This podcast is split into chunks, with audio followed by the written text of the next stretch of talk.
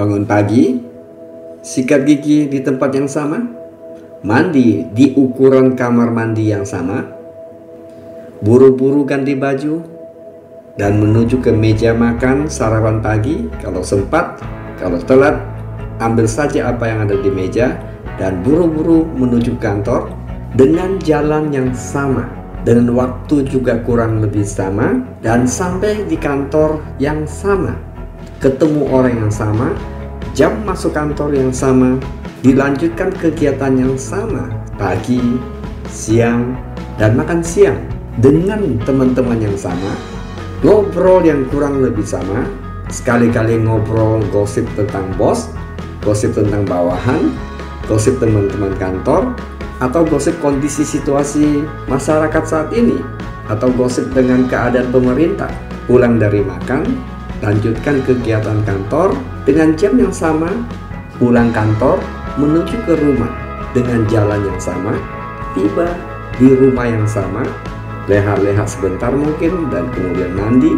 Makan malam nonton TV istirahat tidur besok pagi bangun mengulangi yang sama. Kemarin juga begitu, hari ini juga begitu, besok juga akan seperti itu. Past, now, and future sama. Rutinitas yang sama seperti ini, ini dialami oleh miliaran manusia di atas bumi ini. Dan jika ini diteruskan, apakah akan menghasilkan hasil yang berbeda? Jawabannya adalah tidak. Tapi anehnya kalau kita ngobrol dengan kelompok teman-teman yang seperti ini, saya mau berubah. Tapi kegiatan yang sama, rutinitas yang sama, dengan diam-diam mereka mengharapkan ada satu perubahan. Mungkinkah ini terjadi? Jawabannya sudah pasti tidak.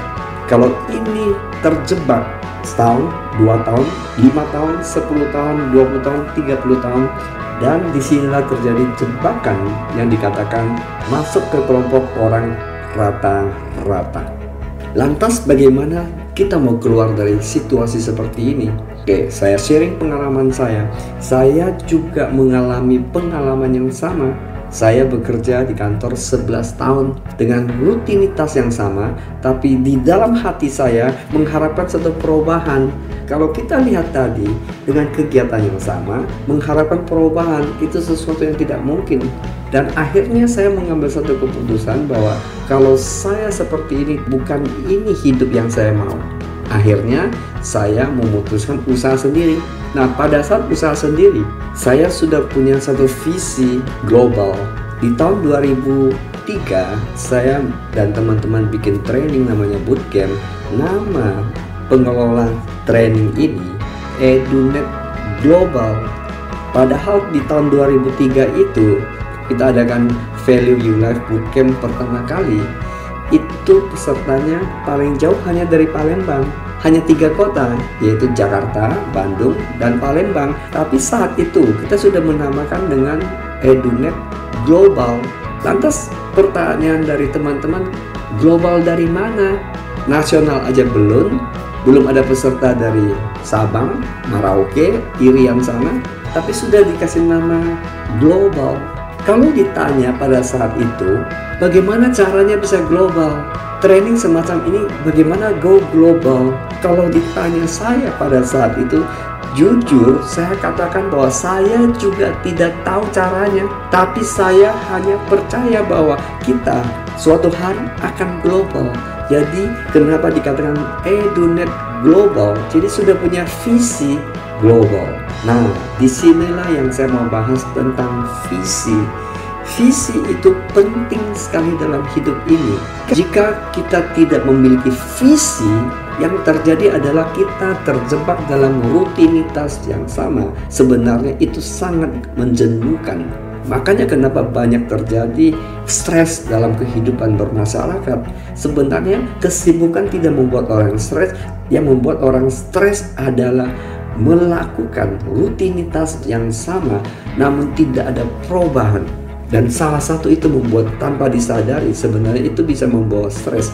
Memang seolah-olah mereka sudah nyaman di situ, yang dikatakan comfort zone di situ. Sebenarnya comfort zone tidak sama dengan tidak stres. Hal yang serupa, coba lihat visi ini penting sekali. Di tahun 2003 juga, saya dan teman-teman membentuk satu komunitas.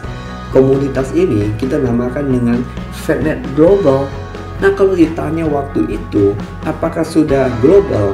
Pada tahun 2003 itu, komunitas ini hanya terdiri dari orang-orang dari sekitar Indonesia itu pun tidak seluruh Indonesia sebagian kota-kota yang ada di Indonesia kita membentuk satu komunitas namanya Fednet Global. Kenapa ditaruh global di situ? Kembali lagi visi visi global. Padahal tidak ada komunitas orang asing.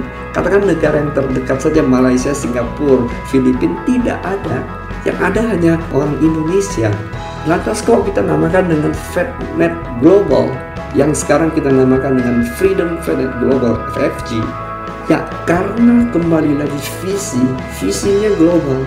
Yang tadi saya katakan training bootcamp itu sekarang sudah dihadiri sekitar 80 negara dari 5 benua. Berarti visi ini terjadi terjadi. Demikian juga komunitas. Saat ini komunitasnya juga terdiri dari puluhan negara dari lima benua saat kita punya visi, tentu tantangan mulai datang. Dan di situlah kita perlu ada impian yang saya bahas di video sebelumnya. Impian sebenarnya adalah pecahan dari visi dan impian ini dipecahkan lagi menjadi goal. Goal jangka panjang jangka menengah dan jangka pendek. Dan kita mulai dari situ dengan sangat fokus dan disiplin. Karena kita disiplin fokus terlahirlah satu komitmen yang tinggi untuk mencapai tujuan ke sana. Pada saat kita mencapai tujuan ke sana karena itu belum terjadi namun kita sudah mampu melihat sudah terjadi itu namanya visi.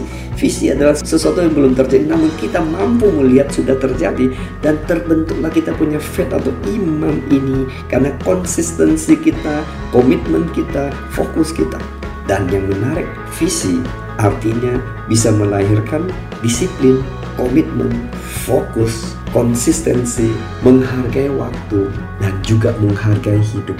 Dengan adanya visi ini, sebenarnya kita melatih apa kita perhatikan di sini, melatih disiplin, melatih komitmen, melatih fokus, melatih melihat sesuatu dengan iman, bukan dengan mata saja, tapi dengan mata iman yang melihatnya. Dan konsistensi tentu dalam hal mencapai goal tadi dibutuhkan juga bagaimana menghargai waktu dan yang pasti terarah dari pagi, siang, malam.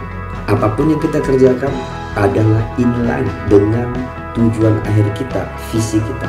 Dengan demikian, semakin semangat bangun pagi sudah jelas apa yang dikerjakan. Orang yang punya visi itu jarang yang hidupnya stres. Pada umumnya mereka sudah mulai belajar namanya control mind. Di sinilah salah satu kelebihan juga karena kita kontrol pikiran kita sehingga kita mengerti bagaimana mengatasi stres dalam hidup sehari-hari. Tadi saya bilang justru mereka-mereka yang melakukan rutinitas yang sama namun tidak ada perubahan dalam kehidupan mereka itu sebenarnya indirectly mereka mengalami stres. Sebaliknya justru orang yang menyusun goal kemudian punya dream impian dan visi dan satu demi satu demi satu demi satu goalnya terjadi impiannya terjadi dan visinya terjadi. Bukankah ini memproduksi sejumlah endorfin yang luar biasa? Di tahun 1992 saya mulai menyusun visi hidup saya. 5 tahun ke depan 10 tahun ke depan 20 tahun ke depan 50 tahun ke depan bahkan lebih dari itu Memang pada saat awal saya juga merasa aneh. Kenapa aneh? Coba lihat, kita tidak pernah dilatih di sekolah dan juga tidak dilatih pada saat kuliah. Juga tidak dilatih di lingkungan kita, di keluarga, apalagi di tempat kerja.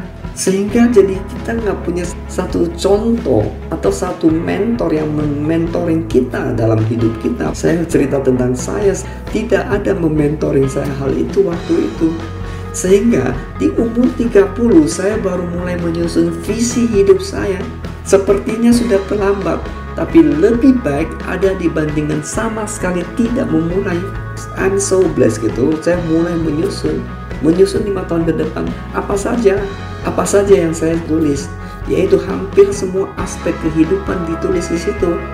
Mulai dari kesehatan fisik, kesehatan mental, kemudian finansial saya seperti apa, kemudian kehidupan sosial saya seperti apa, kontribusi saya seperti apa, kehidupan spiritual saya seperti apa, dan seterusnya. Itu dibuat.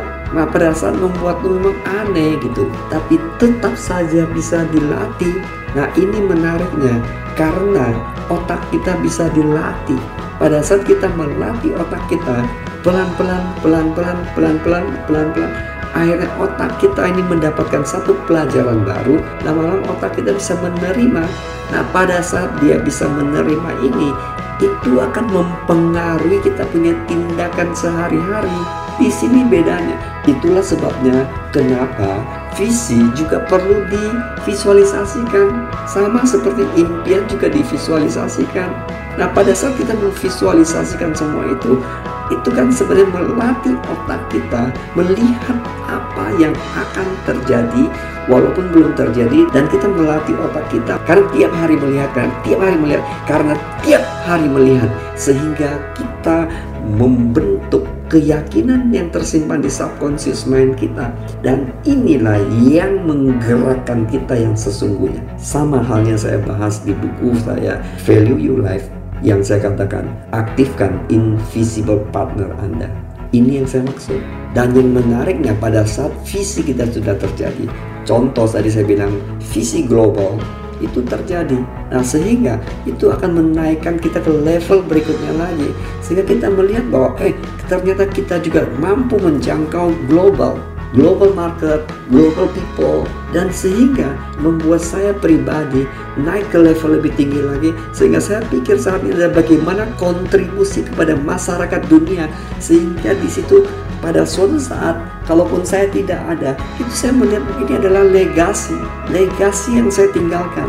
Sehingga dari visi tingkatnya adalah menjadi misi saya dan misi dan menjadi legasi seandainya saya tidak mulai menyusun visi saya hari ini mungkin saya belum punya misi hidup. Hari ini mungkin saya juga belum punya legasi apa yang saya tinggalkan. Dan yang menariknya legasi kita terus naik ke level berikutnya terus ke dimensi yang lebih jauh. Dan ini luar biasa luar biasa. So mau jadi manusia biasa-biasa atau di atas rata-rata?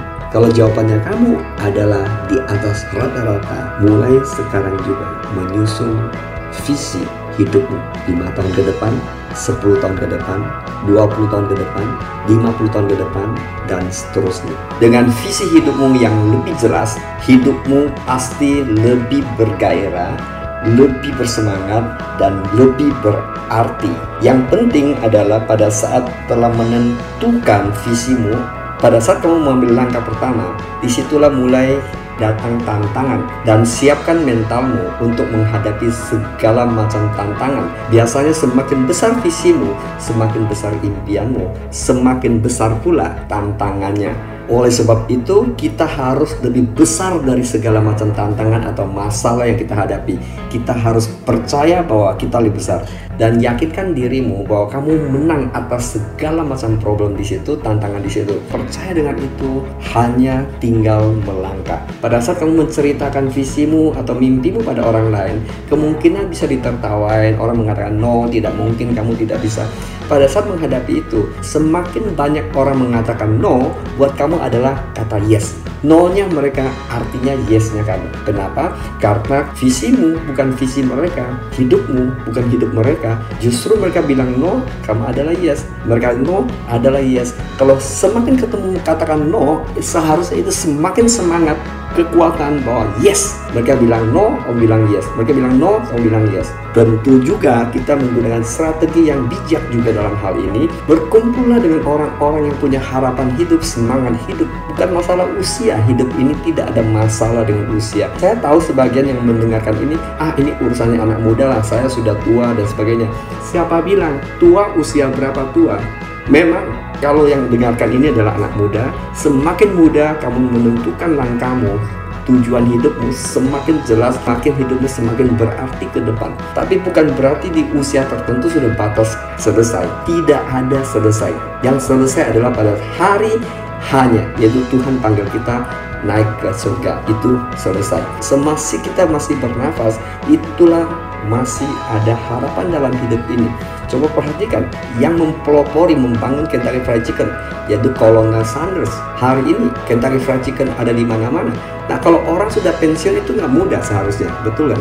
Usia berapa di tua? Perdana Menteri Malaysia kembali mengambil alih kekuasaan di umurnya 90 lebih kalau tidak salah 94 tahun dan dia tetap semangat 94 tahun. Saya umur berapa? Yang dengarkan ini umur berapa kalau berani mengklaim sudah tua? Jadi kadang-kadang lingkungan kita sangat mempengaruhi kita. Kalau kita kumpul sama orang yang give up, menyerah dalam hidup ini ya, ya sudah tua, sudahlah. Itu urusan anak muda. Siapa bilang justru kita yang senior ini harus memberikan semangat kepada yang muda. Buktikan kita kerjakan. Kalau kita kerjakan di usia dikatakan tua, bagaimana dengan anak muda?